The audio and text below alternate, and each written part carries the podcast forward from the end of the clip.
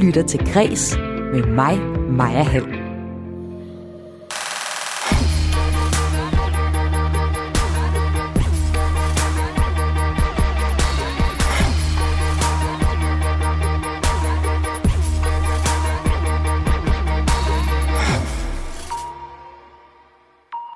Så er der kommet et gevaldigt benspænd i byggeriet, lød det på Ellebjergskolens Facebook den anden dag.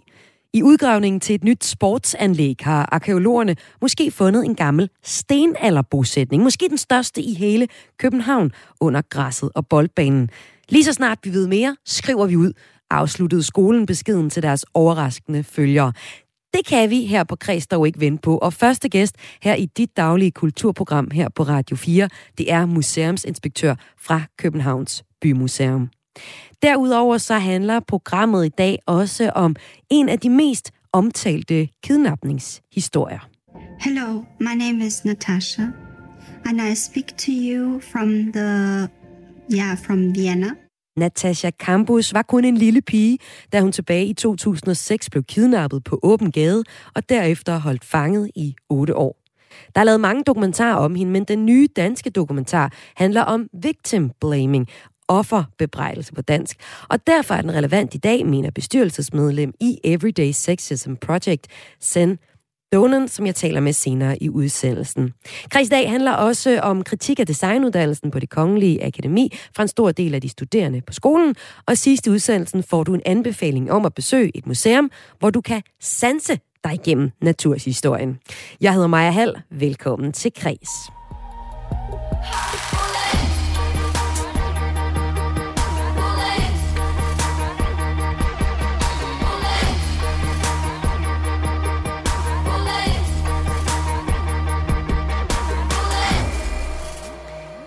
Øh, sådan et lidt hengemt område bag Ellebjerg Skole i Københavns Sydhavn, hvor der indtil for nylig lå en boldbane og ikke meget andet, er Københavns Kommune ved at anlægge en 16.500 kvadratmeter skolepark. Men først skal arkeologerne i gang. For under den gamle boldbane ligger der muligvis, der i hvert fald lige opdaget, en elgammel stenalderbosætning. Og hvis den formodning holder stik, så er det potentielt et kæmpe stort fund. Det mener min næste gæst, arkeolog og museumsinspektør ved Københavns Bymuseum, Thomas Roland. Velkommen til Kreds. Tak skal du have.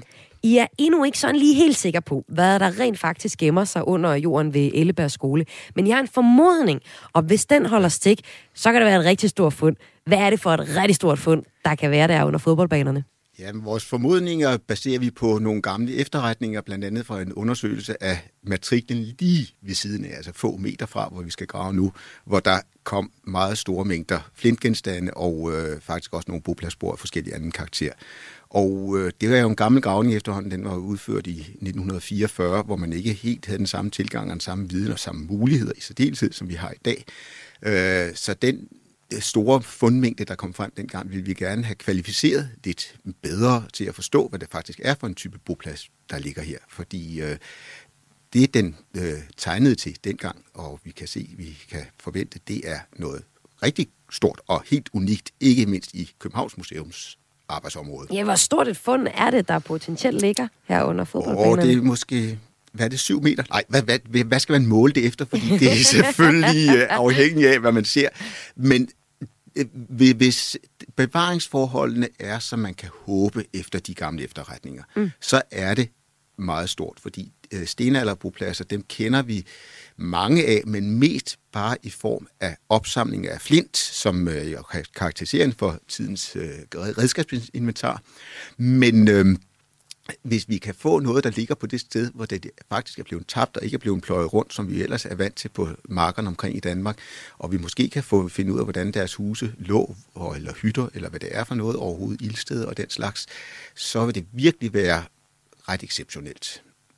Ja, men hvad er det egentlig, der måske kan være der? Altså et boplads, det er ikke en by. En, hvad er det så? Nej, øh, vi er jo så langt tilbage i tiden, så der var ikke noget, der hed byer endnu. Og mm. de steder, hvor man slog sig ned som øh, jæger samlerfolk, som det er på det her tidspunkt, vi taler om den sidste del af jæger samlertiden, og der er vi så 5.500 før Kristus øh, og frem til 3, eller frem til 4.000 før Kristus, cirka, det på det lav. Øh, der er man sådan mindre flokke, mindre familier, øh, jægerflokke osv., der øh, er mere eller mindre på vandring hele tiden. Men vi ved også, at man har boet permanent ved kysten for eksempel, og det er måske en af de bopladser, vi har her. Og, og hvor stor den så er, det er jo det, vi gerne vil vide lidt mere om, fordi vi kan se, at der er øh, sket mange aktiviteter. De redskaber, der er fremkommet ved de tidligere gravninger, det er en stor mangfoldighed af typer. Altså der er både til skinforarbejdning og knoglebearbejdning, skæreredskaber og øh, øh, forskellige dele, der måske har med fiskeri og jagt at gøre.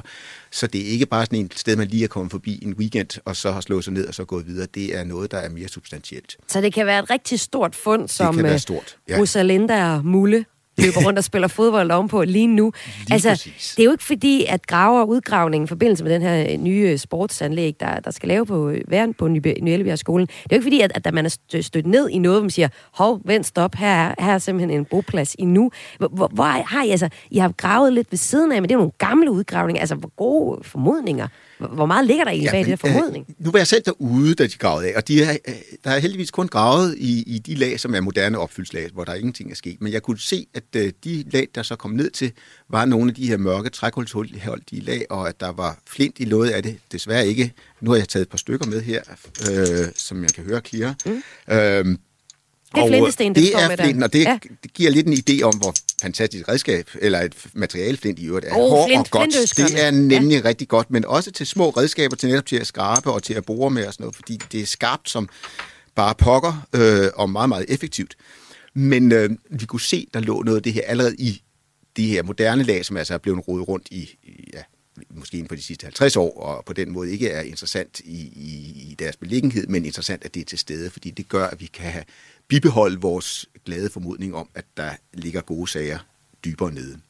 Ja, glade formodning, det er jo så det, jeg har lige nu. Men øh, som museumsinspektør ved øh, Københavns Bymuseum og arkeolog Thomas Roland, hvad er så drømmescenariet for, hvad der kommer til at dukke frem? Jamen altså, hvis vi kunne finde nogle uberørte lag, hvor der stadig var spor efter de hytter, de har boet i, og nogle af de aktivitetsområder, de har haft, som kunne fortælle os om livet på stedet, og ikke bare, at de har været der, men faktisk komme til en nærmere beskrivelse af de mennesker, der har boet på det sted, for det er i bund og grund det, en arkeolog allermest synes er fedt. Øh, det er at finde ud af, hvad var menneskene på det tidspunkt, hvordan levede man, og hvordan øh, agerede man i, i forhold til det landskab, man boede i osv det er skønt med genstand, det kan jeg også godt selv lide, ellers var jeg ikke blevet en arkeolog, men, men det er fortællingen bag dem, der jo er spændende. Så noget, der kunne uddybe det, og også være med til at kvalificere de gamle gravningers materiale, fordi hvis vi var heldige at finde en mere øh, velbevaret del af bopladsen, så vil vi jo også kunne få meget mere ud af de gamle fund, fordi så vil de kunne sendes ind i, det, i relief af den, den nye viden, og mm. det vil jo være helt fantastisk, fordi så får vi faktisk dobbelt op for, for pengene.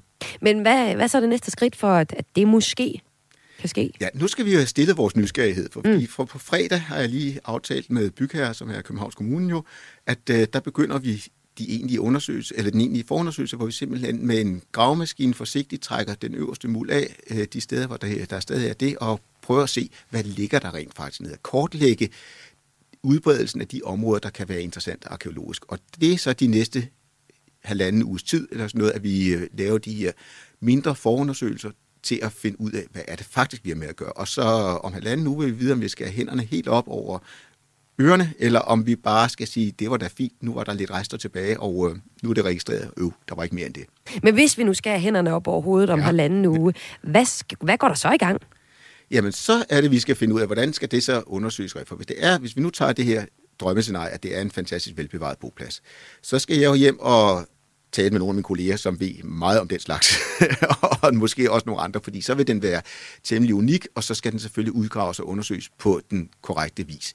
Man kan så sige, heldigvis for byg her er stenalderbopladser ikke i udbredelse voldsomt store, øh, så det er formentlig ikke hele området, vi ville skulle begynde at undersøge med TSG. Men de områder, hvor der ligger noget interessant, der vil det være en meget minutiøs undersøgelse, som skal til. Hvad mener du med minutiøs? Jamen, det er så, at vi ligger sådan den der arketypiske billede af en arkeolog, oh, der ligger det, med, beskrive, med ja. måsen i vejret og en god ulden sweater på og en øh, pensel og måske en gravske i hånden og ikke mindst indmålings, moderne indmålingsudstyr, vil jeg så gerne skynde mig at understrege, mm. sådan så vi får placering af det hele i flere dimensioner og kan se tingene i forhold til hinanden lavmæssigt og hvad der ellers måtte være, sådan så man faktisk får det øjebliksbillede som en sådan drømmescenarie kunne være udtryk for fra stenalderen. Og Thomas Roland, jeg kan jo høre, altså, det smitter jo din fascination af at finde, altså muligvis, at der Det er, er et kæmpe... spændende. Det er jo i sig selv spændende. Og det er jo også det, jeg kan se derefter, at øh, skolen lagde op på deres Facebook, at de havde, måske, at der måske var et ret stort fund øh, der under deres fodboldbaner, som de er i gang med at, at bygge om nu. Men så kunne jeg også se, at der var nogle bekymringer. Altså i kommentarfeltet, der var for eksempel øh, øh, Susanne Steler skriver, spændende, men det forsinker jeres projekt, og de svarer så, altså skolen, ja, lad os håbe, det ikke trækker alt for langt ud. Der er også en Anne Rasmussen, der skriver, pyha spændende, men netop det må vel være et risikoscenarie i projektplanlægning.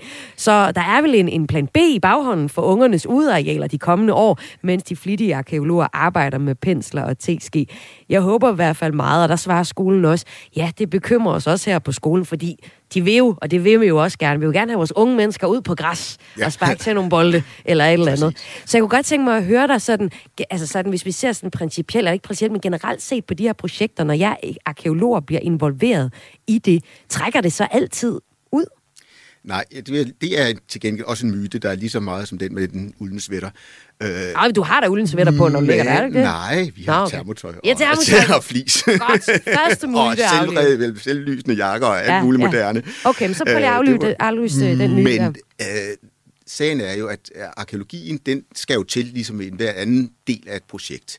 Og hvis det bliver inddraget i tide, så, så er det jo ikke noget, der forsinker. Så er det bare en del af en projektplanlægning. Og jeg vil sige, i mine mange år, snart rigtig mange år som arkeolog, der har jeg faktisk ikke været udsat for, eller det er så få procentdel i hvert fald, af de gavne, jeg har været på, hvor vi ikke har overholdt de tidsfrister, der er blevet sat for det. Så hvis man sørger for som bygherre at indarbejde arkeologien, ligesom man indarbejder rørlægning og øh, en hver anden landskabsbearbejdning og sådan noget i sit projekt, så er det jo ikke noget, der forsinker. Øh, så kan man sige, at det tilfælde her på Elbjerg Skole, der tænker jeg, at vi finder også en løsning på det, og, det, og, og skoleinspektøren behøver heldigvis ikke at være bange for, at det er flere års forsinkelse, i hvert fald ikke på grund af arkeologien, fordi altså, selv et drømmescenarie, som jeg også sagde før, det er på et begrænset areal, og jeg er sikker på, at man i samarbejde med bygherrer og, øh, og planlæggerne, projektplanlæggerne, kan finde netop en løsning på, hvordan gør vi det her, sådan, så det gøres på den bedst mulige måde. Ja, ellers så kan det så også være, at øh, de unge på skolen måske også øh, kommer lidt tættere på, hvordan arkeologiarbejde Det foregår. kunne man jo også luske lidt øh, dannelse ind i folk på den måde, og det vil vi også gerne. Og, og det, altså, jeg, som du kunne høre, jeg synes, det er spændende, og de fleste andre, når man først får set tingene, så synes man jo, det er spændende. Og man kan også sige for Københavns Museum, at det er jo ret perfekt, fordi vi i vores formidlingsglæde over tingene også, der er vi her for næste måned, øh, begynder vi at udgive en bogrække om øh, blandt andet stenalderen i Københavnsområdet, øh, sammen med hele Københavns historie, kommer her til marts. Så på den måde er det jo en fantastisk introduktion til det, hvis vi virkelig kunne få en øh, forlængelse af pladsen derude, vi kender fra 44, øh, og så gå direkte ind i vores øh, nye ud, øh, udgivelse om, om øh, forhistorien i Københavnsområdet, så vil det være så smukt, så man kan næsten tude over det. Amen. For Udover de Roland. fantastiske fund. Tusind tak, fordi du var med i Kreds her i dag. Selv tak, og god dag. Altså arkeolog og museumsinspektør på Københavns Bymuseum. Og han var altså med til at fortælle det potentielt meget spændende fund i Københavns Sydhavn. Om lidt her i Græs, der er de daglige kulturprogram her på Radio 4, der skal det handle om den nye dokumentar Natasha Campus af Lifetime in Prison, der får premiere på Viaplay i morgen. Dokumentaren fortæller en af de mest kendte kidnapningshistorier i nyere tid. Natasha Campus, der er 33 år nu, reflekterer i dokumentaren over, hvordan hun blev mødt, da hun stak af fra sit øh, 8,5 års fangeskab. Hun fortæller for eksempel, jeg forventede at komme ud til en verden med forståelse, men i stedet blev jeg mødt af had og afstand. Og øh, hun håber med den her dokumentar at kunne sætte fokus på victim blaming, og hvorfor hun i offentlighedens øjne dengang måske ikke var det perfekte offer, og folk derfor ikke fattede sympati for hende. Det kan du høre mere om senere i udsendelsen. Men først, der skal det handle om, at de studerende på designuddannelsen i København mener, at ledelsen kvæler uddannelsen i akademisering. Jeg får nu besøg af to studerende, der uddyber deres kritik af skolen. Du lytter til Græs med mig, Maja Hall. De designstuderende på det kongelige akademi er utilfredse med måden, deres uddannelse er skruet sammen på. 150 studerende, en meget stor del af uddannelsen, fra bachelor i design på det kongelige akademi, har sendt et brev til ledelsen med en kraftig kritik af den akademisering, akademiserede retning, uddannelsen er ved at tage. Brevet indeholder 12 konkrete krav fra de studerende, og de studerende forventer, at de bliver implementeret på skolen omgående, skriver de. I går var der så dialogmøde mellem de designstuderende og ledelsen på det kongelige akademi. Og to af dem, der har skrevet under på, på brevet, dem har jeg besøg af i kreds nu. Det er dig, Frederik Tjenka Tang Jensen. Velkommen til. Tak for det. Og også velkommen til dig, Sara Toftelund Sommer. Hej.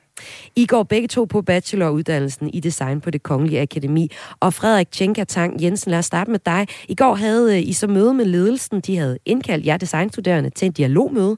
Hvordan oplevede I, at øh, ledelsen mødte jer, øh, jeres ret konkrete kritik med, med de her 12 punkter? Altså, vi kan forstå på dem, at de mener, at de har tænkt sig at gå ind i den her sag nu og tage en dialog med os, men, men vores oplevelse er bare, at det er noget, vi har hørt før. Og vores oplevelse af mødet i går var også, at det blev et møde, der udelukkende var til for at sætte et nyt møde op. Altså, at vi stadigvæk fortsat øh, bruger hele vores studietid på at indgå i dialog omkring, hvordan vi skal, vi skal ligesom ændre den her uddannelse til noget bedre. Så vi var lidt skuffet over mødet i går. Men det er vel også øh, dialog, der er vejen frem, er det ikke det? Det er helt sikkert dialog, der er vejen frem, men, men erfaring viser os bare, at det er ikke en, en reel dialog, vi går ind i. Det er ledelsen, der forsvarer sig og ikke vil stå på mål for den kritik, vi kommer med. Og jeg har også tidligere, der har tidligere været protester på Designskolen. For to år siden, så var der lignende protester, og senest blev der udført en protestaktion til et åbent hus arrangement for nye elever. Og det er altså, der foregår her på øh, bacheloruddannelsen i design på det Kongelige Akademi, som består af flere underlinjer, hvor man blandt andet kan arbejde med møbeldesign, tøjdesign og visuel kommunikation. Og lad mig så høre dig, øh, Sara Toftelund Sommer. I er utilfredse med den måde, jeres uddannelse er sammensat på. I mener overordnet set, at I bliver uddannet som generalister. Hvorfor er det et problem? Det, der er problemet med øh, at øh, blive generalist, øh, det er, at vi... Øh, jamen, hvad skal man sige? Først og fremmest så handler øh, vores brev jo om den her akademisering, der foregår i uddannelsen. Øh, og vi kan sagtens se, at, øh, at der skal være design øh, overalt. Øh, design vil øh, være en positiv retning i forhold til mange ting.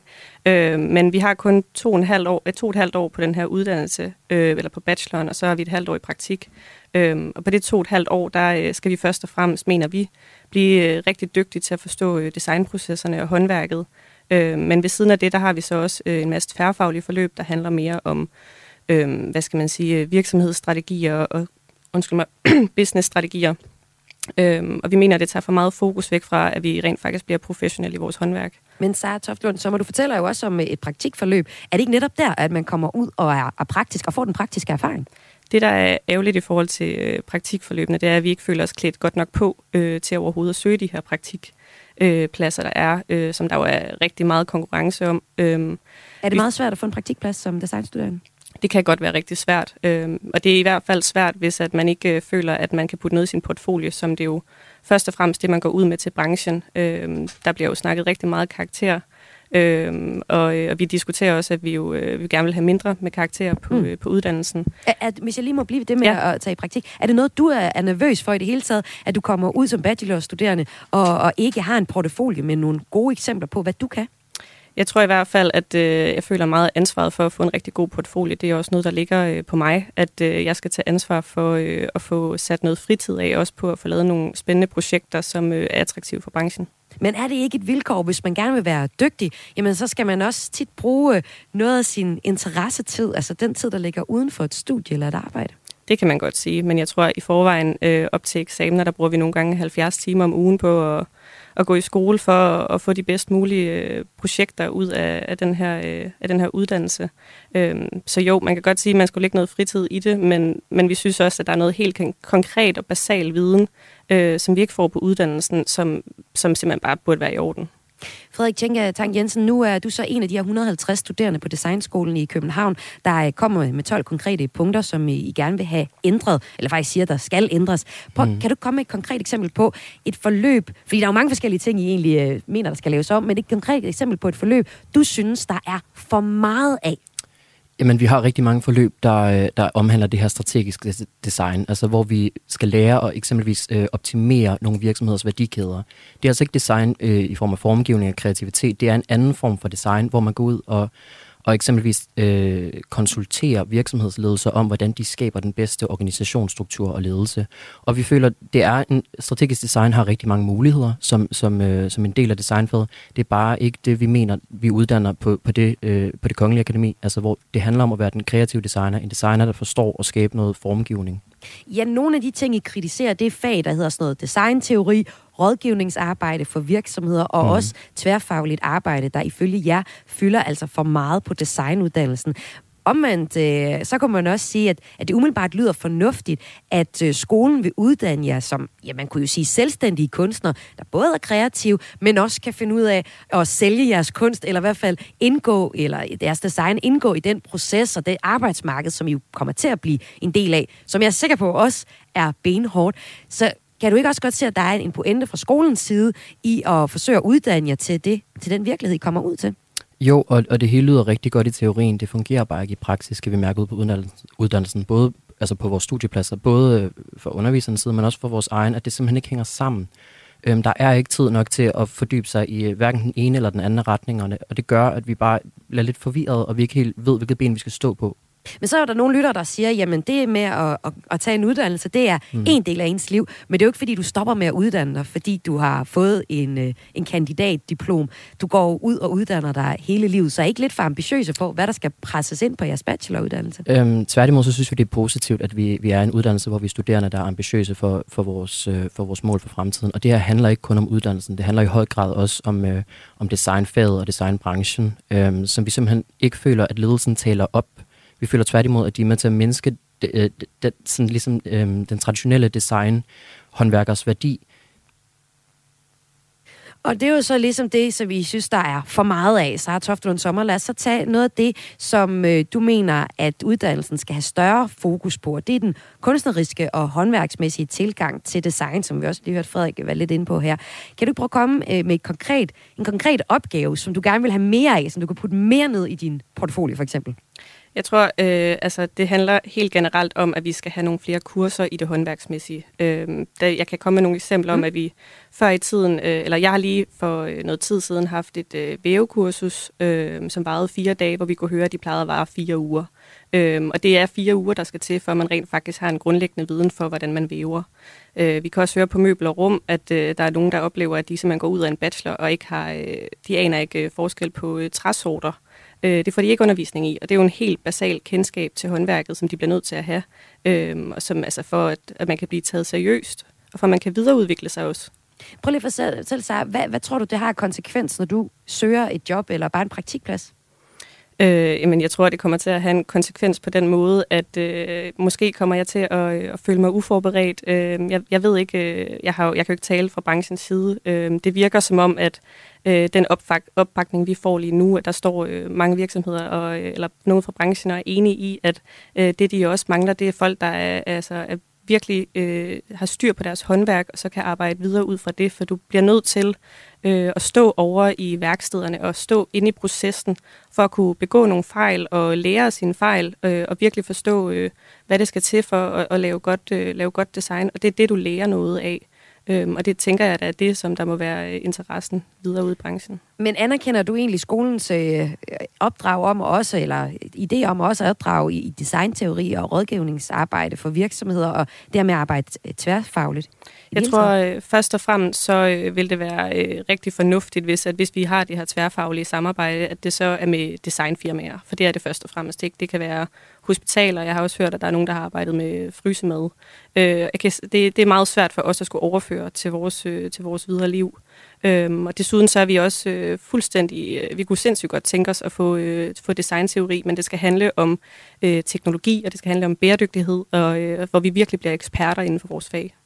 Og lad mig så til sidst ligesom øh, løfte blikket fra jeres skole og se, hvad det får betydning for, ja, man kan jo sige helt en bred pensel for, for samfundet fremadrettet. Frederik øh, Tjenkatang Jensen, hvad, hvilken konkret betydning mener du, at det kan få for omverdenen, hvis jeres uddannelse har et stærkt fokus på kunstnerisk og øh, håndværksmæssig tilgang til design, frem for det, som I kritiserer i dag? Jamen det sikrer os jo, at vi får nogle designer i fremtiden, som fortsætter med til at skubbe design. Altså nu er vi jo kendt fra Danmarks side øh, ude i verden for at lave noget helt fantastisk design, som rigtig mange taler om. Øhm, og det vi er bange for, det er, at vi ligesom mister den her, den her sådan grænsesøgende kreativitet, øhm, hvor vi i fremtiden også har nogle designikoner, altså, altså hvor at øh, verden taler om os som, som designnation. Vi har jo allerede hvad skal man sige, outsourcet øh, håndværket på mange måder fra dansk side. Øh, den viden er ved at gå tabt, øh, og derfor så mener vi bare, at det betyder, at vi også begynder at se på at respektere designfaget som, som den vigtige del af hele samfundet, som det er. Og så har vi jo selvfølgelig øh, prøvet at høre øh, dekan på Designstudiet med det Agerbo, øh, om hun vil være med i programmet i dag. Hun ønskede ikke at medvirke i dagens program. Hun vil lige nu gerne holde fokus på den interne dialog, som I jo også er gang i. Når den proces er slut, så vil hun gerne stille op til interview. Men i fredags, der udtalte hun så følgende til Berlingske, som jeg lige vil forholde dig, Frederik. Mm. Vi har selvfølgelig fokus på håndværket, og det skal vi også have. Men vores uddannelse viser, hviler på et vidensgrundlag, der kombinerer det kunstneriske, det videnskabelige og det praksisorienterede. På den måde kan det håndværksmæssige ikke stå alene. Vi mener, at det giver et særligt styrke, når uddannelsen har rødder i de forskellige områder. Så når du fremhæver Danmark som øh, nogen, der er kendt for, for design, er det så ikke egentlig fordi, at man øh, grundlæggende set også får de andre områder med og uddanner jer? Jamen igen, så lyder det rigtig godt, øh, den uddannelse, hun fremlægger der. Det er bare ikke det, vi ser ude øh, på studiepladserne. Altså, vi, vi er glade for teorien, og vi er glade for at løfte design op på et højere niveau. Vi skal bare også passe på ikke at gøre den her akadem- akademiske viden som sådan en form for finere viden, der udligner håndværket. Altså, der er også en kæmpe stor... Øh, øh, hvad skal man sige, øh, interesse i selve håndværket, øh, og, og vi føler bare, at det bliver negligeret på uddannelsen. I øh, brevet til ledelsen, som I er kommet med for nylig, altså øh, ledelsen på det Kongelige Akademi, på, på, øh, som bacheloruddannelsen i design på det Kongelige Akademi, der kommer I med 12 krav, og I skriver, som I forventer bliver implementeret på det Kongelige Akademi omgående. Så kunne jeg godt tænke mig at høre i afslutningsvis, at jeg med dig, Sara Toft, Sommer. Hvad, hvis det ikke sker? Stopper du så på designuddannelsen? Jeg kommer ikke til at stoppe på designuddannelsen. Jeg er stadig øh, ekstremt stolt over at gå på den her uddannelse, fordi jeg har nogle fantastiske medstuderende, øh, som jeg lærer rigtig meget af. Øh, jeg har også nogle sindssygt dygtige øh, undervisere og håndværksansatte, som er dem, der gør, at jeg kommer til at gå ud af den her skole her og blive en rigtig dygtig designer stadigvæk. Øh, men jeg føler, at, at det er meget øh, ansvaret, øh, der ligger på min egen skulder og på undervisernes skulder øh, for at gøre det her til en, eller for, for at vi dem, der går her nu, har en, har en god øh, bagage, når vi går ud herfra. Og jeg tror ikke, at det, jeg mener ikke, at det er ledelsens strategier, som skal have guldstjernen for det. Men er det ikke lidt modsatrettet, når I skriver, at I har et krav, som I forventer bliver implementeret omgående? Jeg står jo ikke og tror med, at jeg har tænkt mig at droppe ud af uddannelsen. Det vil jo ikke være særlig produktivt for mig heller. Frederik Tjenka Tang Jensen, jeg vil også høre dig. Kunne du stoppe på uddannelsen, hvis der nu ikke er nogen af de her krav, der bliver indfriet? Øhm, jeg har ikke tænkt mig at stoppe på uddannelsen, tværtimod har jeg tænkt mig at kæmpe for de her krav, og at vi fortsat kæmper for design, både på skolen, men også på et højere plan. Mm. Øhm, og derfor så føler jeg heller ikke, at jeg bare kan sige, øh, være, være ham den sure studerende. Jeg vil gerne være med til ligesom at lave en forandring, og være med til at tage den her dialog op. Øh, det vi har gjort i vores brev bare er, at vi blev nødt til at slå igennem og sige, nu mener vi det simpelthen alvorligt. Tusind tak for, at I også mente alvorligt i kreds i dag, og stillede jer op. Frederik Tjenka Tang Jensen og Sara Toftelund Sommer. Tak. Tak. Der altså er studerende på bacheloruddannelsen i design på det Kongelige Akademi, og som var med i kreds i dag. Vi øh, følger op på historien, når og så fremt, at øh, dekan på Designstudiet med i Agerbo er klar til at stille op til interview. Om lidt så får du en øh, kulturanbefaling fra en kulturagent på Fyn, der har været på et museum, hvor der er en udstilling uden plancher. Det synes hun var ret spektakulært. Det kan du høre om sidst i udsendelsen. Men først, så skal det her i Græs, der er dit daglige kulturprogram her på Radio 4, handle om det perfekte offer. Du lytter til Græs med mig, Maja Helm. I 3096 dage blev den østriske pige Natasha Kampusch holdt fanget i en mørk kælder i en forstad til Wien, hvor hun blev mishandlet og sultet. Hun slap fri, men da hun endelig kom ud i 2006, så mødte omverdenen hende med mistro. I den nye dokumentar Natasha Campus A Lifetime in Prison, som får premiere på Viaplay i morgen, står hovedpersonen selv igen frem for at fortælle sin historie. Hello, my name is Natasha, and I speak to you from the, yeah, from Vienna. Die Wiener Polizei hat die größte Suchaktion der Zweiten Republik hinter sich. Noch nie hatte man mit einem solchen Aufgebot nach einem vermissten Kind gesucht. Sagen om Natasha Campus var den største sag, som den østriske politi havde stået med på det tidspunkt, og som vi hører et klip fra øh, dokumentaren her. Nu kan jeg sige velkommen til dig, Sen Donen, jurist og bestyrelsesmedlem i Everyday Sexism Project Danmark. Velkommen til Græs. Tak skal du have. I er en øh, NGO, der for eksempel dokumenterer problemer med sexisme. Nu øh, handler det så i programmet i dag om den her øh, Natasha Campus-dokumentar. Det er jo ikke den første dokumentar. I 2010 kom dokumentaren Kidnapped Natasha Campus, mens hun selv udgiver bogen øh, 3096.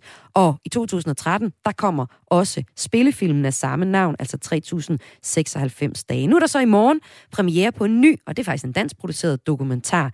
Så vi har jo egentlig hørt historien om Natasha Campus flere gange, men du mener, at den nye dokumentar alligevel er relevant Hvorfor?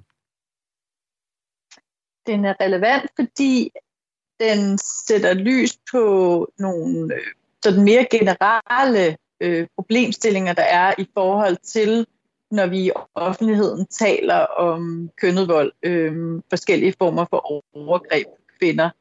Det er noget, som, som vi ser øh, rigtig, rigtig ofte. Natasha Campus sag er jo meget enestående. Den type sager er der meget få af, men der er rigtig mange sager, som handler om øh, forskellige former for seksualiseret overgreb øh, og vold mod kvinder, hvor vi ser mange af de ting, som hun har oplevet gå igen.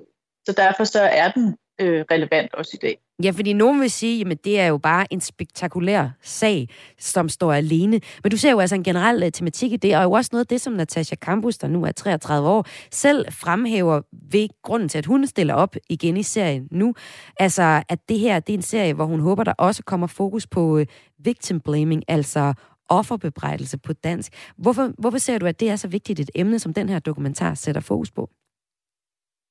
Det er rigtig vigtigt, fordi at der netop bliver snakket meget om, om de her øh, myter, vi har omkring øh, det perfekte offer. Altså forstået på den måde, at offer for seksualiseret overgreb eller øh, partnervold, øh, forskellige former for kønnet vold, lever sjældent op til at opføre sig som vores sådan mere kollektiv fortælling om, hvordan man skal være offer, hvordan man skal være offer på den måde, så vi tror på vedkommende, og så vi har medfølelse i forhold til vedkommende. Der vil meget ofte være øh, forskellige ting, som, som øh, offeret har gjort før, under eller efter øh, det, der nu er sket, som gør, at der bliver stillet spørgsmålstegn, det vi kalder for, for victim blaming, øh, eller hvor man tænker, at det ikke er en person, man behøver at have medfølelse med. Så, så det, det handler om det her med både troværdighed og medfølelse, at der har vi nogle stereotype forestillinger om, hvordan et offer skal opføre sig, og dem lever hun ikke op til, og dem er der rigtig mange andre, som heller ikke lever op til. Blandt andet fordi, at vi har meget lidt sådan generel viden omkring, hvad der er normalt i gåseøjne for et offer, fordi normalt det er nemlig ikke kun én ting, det er rigtig mange forskellige ting. Ja, du nævner jo to ting her, som vi skal prøve at, at dykke lidt ned i, Senadonen. Øh, den ene, det er victim blaming, og den anden, det er det perfekte offer, og så også, hvor Natasha Campus historie ligger sig i forhold til den øh, udvikling, som vi trods alt har gjort i forhold til at forstå victim blaming. Og hvis jeg lige skal sætte et par ord på, hvad det er, så øh, kalder man det offerbetegnelse på, eller offerbebrejdelse på dansk. Det er selv, vi bruger det ord. Det for det meste, så bliver det brugt til ordet victim blaming. Og det betyder, at offeret øh, for en forbrydelse eller et overgreb bliver gjort ansvarlig eller medansvarlig for hændelsen. Og øh, victim blaming er blandt andet set i, i forbindelse med sager om voldtægt eller hævnporno. I dokumentaren der fortæller Natasha Campus, Natasha Campus for eksempel, hvordan der blev sat spørgsmålstegn ved, hvorfor hun ikke flygtede fra sin kidnapper tidligere i de der 8,5 år, hun blev øh, holdt fanget, mens andre spekulerede i, om hun selv har været med til at planlægge kidnapningen. I øh, år så har debatten herhjemme om vold mod kvinder øh, taget til i efter sagen med, øh, nord, om, med nordjyske Mia Skadshauge Stævn, som forsvandt efter en bytur i Aalborg tidligere i år. I den forbindelse blev der også diskuteret victim blaming, fordi nogle folk i kommentarsporet på artikler har kommenteret på, hvad hun skulle have gjort for at undgå at blive et offer, eller hvilket slags tøj hun skulle have haft på, hvis hun ikke skulle være blevet et, et offer. Sandonen, i din optik, hvordan spiller dokumentaren her om Natasha Campus ind i den danske debat om vold mod kvinder? Jamen det er jo præcis fordi, at vi har nøjagtigt de samme øh, forestillinger øh, og, og myter i Danmark, som man har alle mulige andre steder, også der, hvor Natasha Campus øh, øh, hvad hedder det, kommer fra. Altså det er nogle sådan, det er nogle, det er jo nogle forestillinger, som, som meget hænger sammen med, hvordan man er kvinde i virkeligheden. Det her med, at man skal ikke øh, klæde sig på en bestemt måde, man skal ikke opføre sig på en bestemt måde, fordi at så kan det virke provokerende øh, på nogle mænd, som så vil begå overgreb på en. Så derfor så skal, der er der en masse forholdsregler, man skal tage, og hvis ikke man tager de forholdsregler, så er man på en eller anden måde selv ude om det. Vi er, øh, vi, øh, vi kan godt blive enige om, at debatten ligesom har rykket sig et stykke, men vi ser jo stadigvæk den her ekstreme fokus på offerets opførsel, og ikke på gerningspersonen, og hvad kan vi gøre for at gøre noget ved gerningspersonen. Og det handler jo også om den her myte om, at, der vil, at jamen det her det er bare noget, som altid vil ske. Vi kan ikke forebygge det. Det er ligesom sådan en slags øh, naturkatastrofe, det her, at nogle mænd begår overgreb på kvinder. Og, og det er sådan en, en kollektiv fortælling, vi har, som i virkeligheden forhindrer os i at se, at selvfølgelig er der noget at gøre ved det, fordi at mange af de her ting, det handler jo om netop at have en eller anden form for bestemt kvindesyn. Og det er netop det, som, som giver sig udtryk, når vi kigger på kommentarfelterne rundt omkring, det er, at man har en forestilling om, at hvis bare i situationstegn man havde gjort noget andet, jamen så var det her ikke sket. Øh, og det kan være alt fra, at man netop det her med, at man skal ikke drikke sig så fuld, når man går i byen, man skal ikke øh, stole på nogen som helst mænd, samtidig med, at man jo så får at vide, at, at det er noget fis at være bange for mænd, fordi at de fleste mænd er gode osv., men, men der er sådan mange, mange modsætninger i de her ting. Men det her med victim blaming hænger også sammen med nogle sådan overordnede forståelsesrammer om, at vi alle sammen gerne vil have, det er noget, der hedder Just World Theory. Vi vil alle sammen gerne have, at verden i virkeligheden er retfærdigt indrettet, sådan så at øh, gode ting, øh, altså der, der sker kun gode ting for gode mennesker, og dårlige ting, det sker for nogen, som på en eller anden måde selv har gjort et eller andet for at fortjene det. Fordi så virker det ikke så vilkårligt. Den her sag, den er jo fuldstændig vilkårlig. Det kunne have været en hvilken som helst anden øh, 10-årig eller et andet, øh, for den sags skyld en anden alder, som, som manden her havde kastet sig over. Og det er rigtig skræmmende for de fleste af os, det her med, at, at verden er så vilkårligt indrettet. Derfor prøver vi ligesom at finde vores egne systemer i det og sige, okay, hvis det her ikke skal ske for mit barn, og jeg ikke vil spære vedkommende inden selv, øh, indtil hun bliver 50 år, jamen, jamen så må jeg jo finde på noget, som gør, at Natasha selv har været ude om det på en eller anden Ja, så du mener, det er ligesom er det også med er, rigtig mange ja, er, altså, at det er noget, der er ja, fra altså samfundets side, det- nogle det- det- strukturer, der gør, for at man prøver at, at styre uh, situationen. Den der dokumentar, som vi det taler er om meget i... menneskeligt Ja. i virkeligheden. Det her med at, have, at, at gerne ville være i kontrol, og gerne ville sige til sig selv, jamen det her det er ikke vilkårligt, hun har gjort et eller andet, for selv Og- at være ude om det. Ikke? Og når vi taler om det her nu i, i kreds i dag, så handler det, så er det med udgangspunkt i dokumentaren Natasha Campus og Lifetime in Prison, som har premiere på Viaplay i morgen. Det er en uh, dokumentarserie, der strækker sig over tre afsnit, og øh, hun blev holdt fanget af den dengang 35-årige Wolfgang Prikklopil, som efterfølgende begik selvmord. Fokus i dokumentaren er på tiden efter fangeskabet, hvor Natasha Campus skulle møde pressen og offentligheden, og netop hvor historien om, ja, hvem hun egentlig var, blev, der blev stillet så mange spørgsmål ved det, og det er også det, vi taler om i dag. I forbindelse med dokumentaren har Natasha Campus selv udtalt om hendes øh, flugt efter fangeskabet. Det siger hun her i en pressemeddelelse, og nu citerer jeg, jeg forventede at komme ud til en verden med forståelse, men i stedet blev jeg mødt af had og afstand.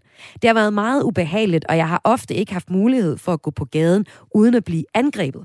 Konspirationsteorier om, hvorvidt jeg selv har været ansvarlig for min kidnapning, har fået lov at leve, og det er noget, der påvirker mig meget. Og så kunne jeg godt tænke mig at høre dig, Sandonen. Øhm, det her det er jo noget, der sker i 2006, at Natasha Kambu så flygter. Hvordan ser situationen ud nu her i 2022, hvis øh, Natasha Campus var, var flygtet ud? Hvordan tror du så, at historien ville have udviklet sig?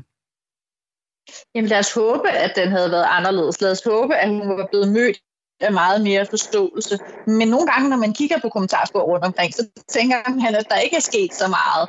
Øhm, altså for eksempel, så, så kan vi stadigvæk... Øh, for, vi har for eksempel det her med, at hvis, hvis man er, hvad hedder det, er tyk, sådan som hun er, jamen så oplever vi, at, at, øh, at der er nogen, der skriver ind til os, øh, som siger, jamen jeg er tyk, og jeg er blevet voldtaget, men jeg er blevet mødt med, at øh, det kan da ikke være rigtigt, altså at du er blevet voldtaget, fordi du er jo for grim til det.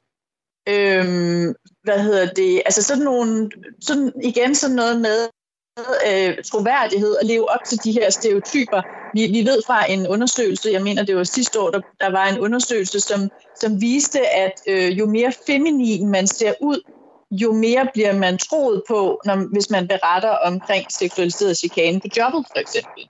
Og det handler vel så også om, om det perfekte offer, om den teori? udseende bliver, ja, lige præcis. Det her med, at man bliver, hvis ikke man lever op udseendesmæssigt og opførselsmæssigt osv til de her stereotyper, jamen, så bliver man simpelthen ikke troet på. Sådan er det stadigvæk. Altså, der, der er stadigvæk øh, de her kulturelle forestillinger om, hvad man skal gøre, hvis man er alt for glad bagefter at man har oplevet et eller andet.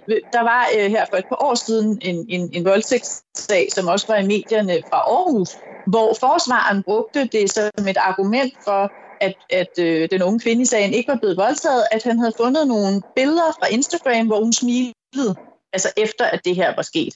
Øhm, vi må ikke, man må ikke være for glad, man må ikke være for upåvirket, øhm, men omvendt så må man heller ikke være for påvirket. Altså, Natasha Campus er et eksempel på en, som er blevet victimblamet, blandt andet fordi hun har virket upå, for upåvirket. Men der er også nogen, der oplever, at hvis de er for påvirket, jamen så bliver der sagt, jamen det er jo nok ikke det i virkeligheden, der er gået galt. Der må være noget andet galt med hende her, fordi hun er nok psykisk syg, og så har hun opfundet det hele.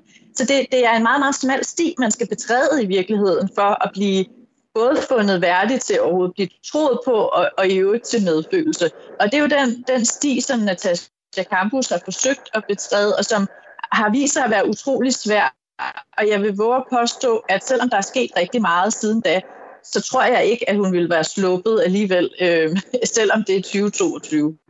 Sådan lød det her fra Send Donen, jurist og bestyrelsesmedlem i Everyday Sexism Project, som altså arbejder med at udbrede og fortælle historier om sexisme. Tusind tak, fordi du var med i Kreds i dag. Velkommen. Det er som altså er Græs, dit daglige kulturprogram her på Radio 4, og Sandone var med til en snak om dokumentaren Natasha Campus A Lifetime in Prison. En dokumentar, der får premiere på Viaplay i morgen. Du lytter til Græs med mig, Maja Hall. Og det sidste, vi skal i dagens udsendelse, det er at få en kulturanbefaling fra Kreses kulturagent på Fyn.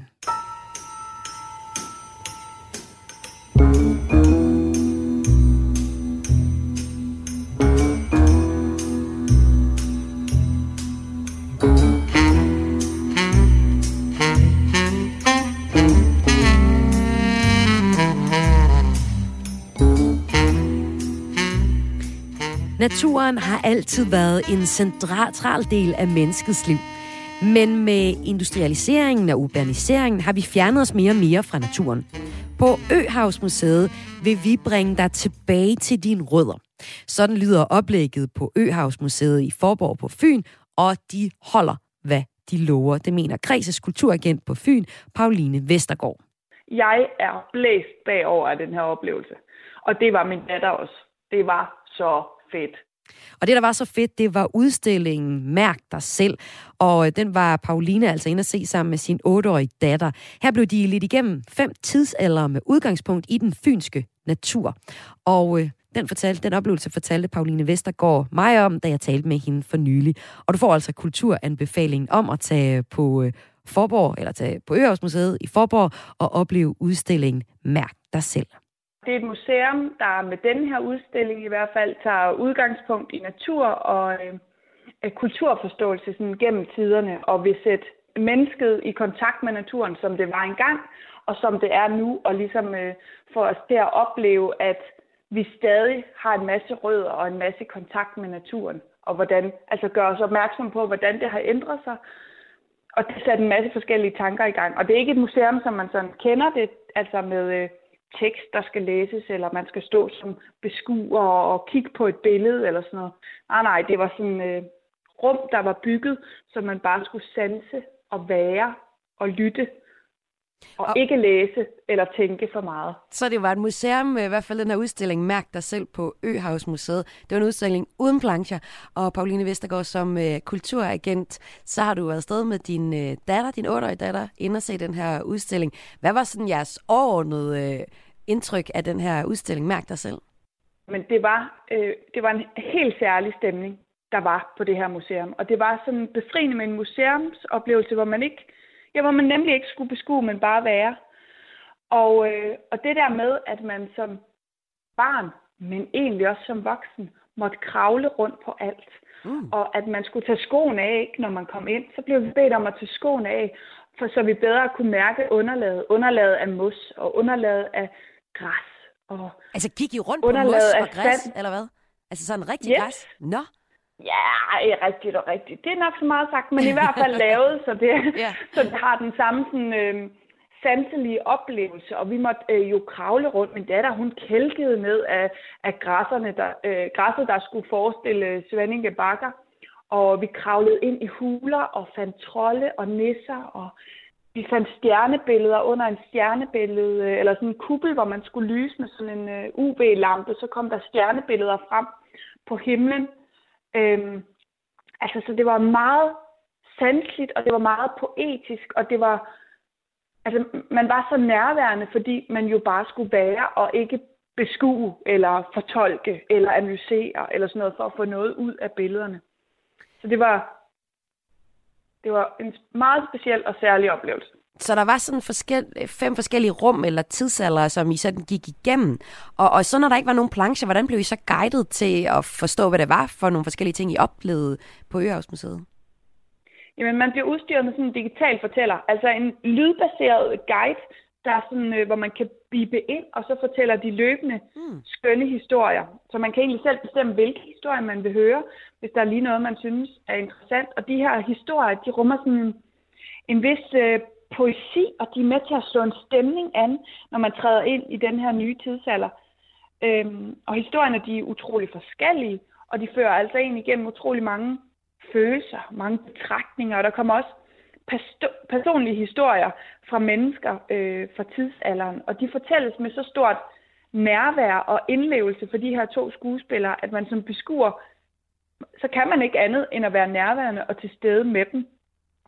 Og der er også et helt særligt lydspor kun til børnene, øh, med fortællinger, der sådan er tilpasset dem. Hmm. Så hvad var det for eksempel for nogle fortællinger, I fik, da I var på, på museet?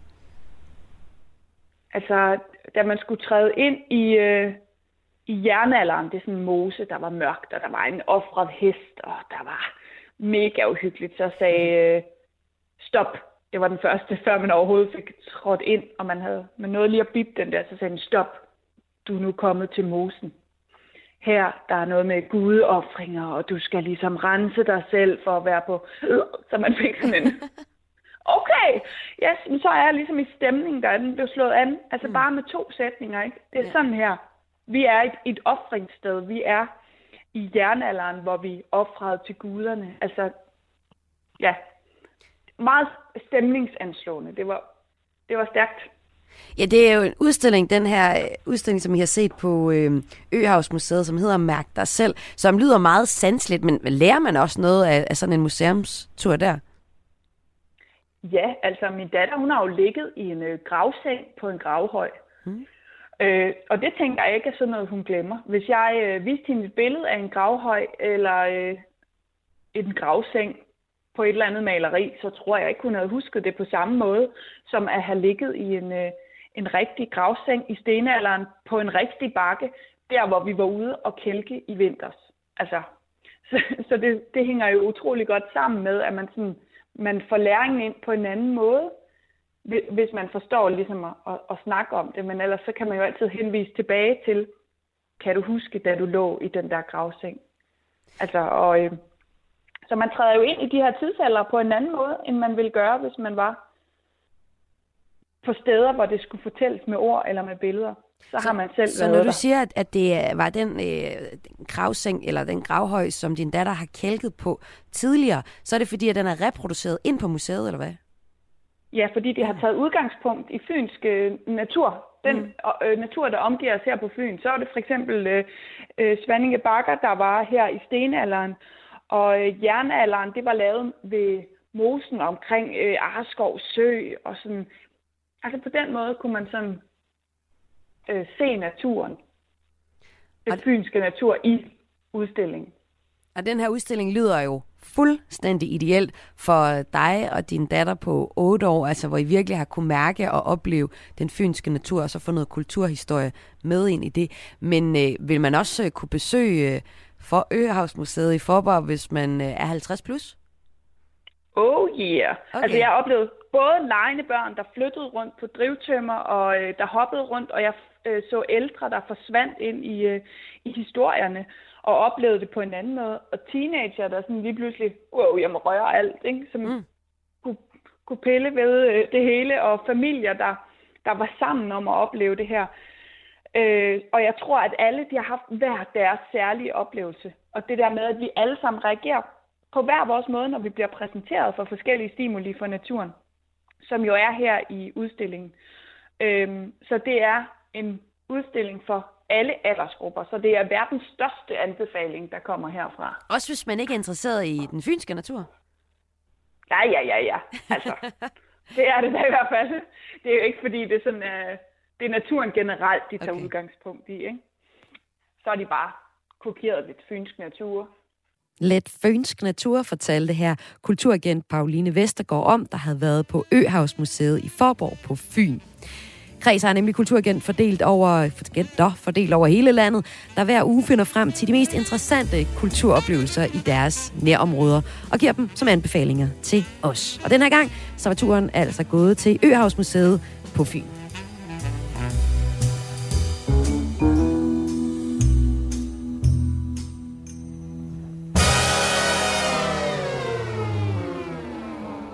Og så kan jeg faktisk godt lige nå et lille nummer og slutte denne udgave af Kreds af med.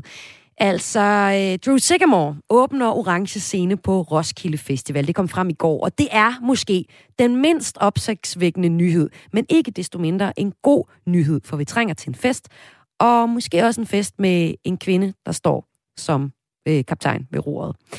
Jeg har med enkle undersøgelser været på Roskilde Festival siden 2008, og det har altid interesseret mig, hvem der bliver booket til at åbne den store scene på festivalen. Sådan i historien, og hvis vi går længere tid tilbage, så har det været klassisk danske rockband, som for eksempel Dizzy Miss Lizzy i 2000 og, eller i 1995. Det har været op i nulleren, der har det været Volbeat i øh, 07. Men øh, det har også været amerikanske Outcast, der har stået og åbnet øh, festivalen, eller i hvert fald musikscenerne.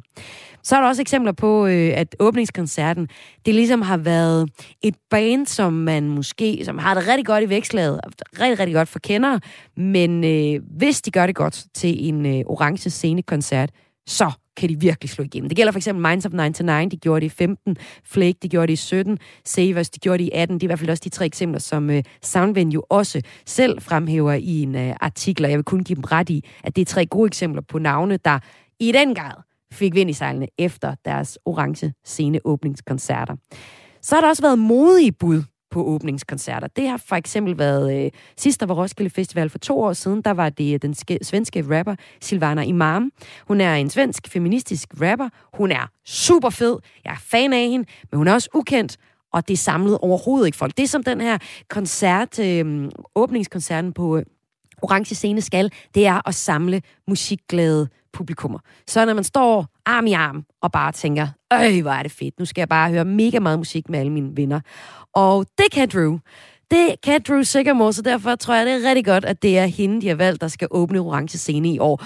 Og så skrev hun også sidste år musikhistorie, fordi som den første kvindelige artist nogensinde, så er hun nu at finde på Grammys top 10 over mest spillede kunstnere i radioen. Og lad os tage en gang til I Wanna Be Dancing med Drew Sigamore. Ha' en rigtig god week, eller ikke weekend, god eftermiddag. Programmet her var tilrettelagt af Lene Grønborg Poulsen, Søren Berggren Toft, Emil Mortensen, og mit navn er Maja Hall. Og nu er det Drew Sycamore.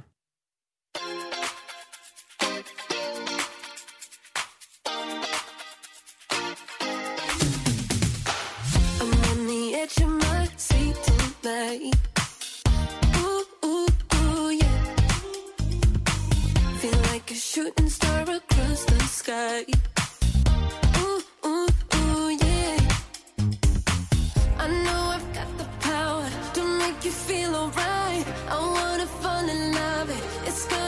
Tonight.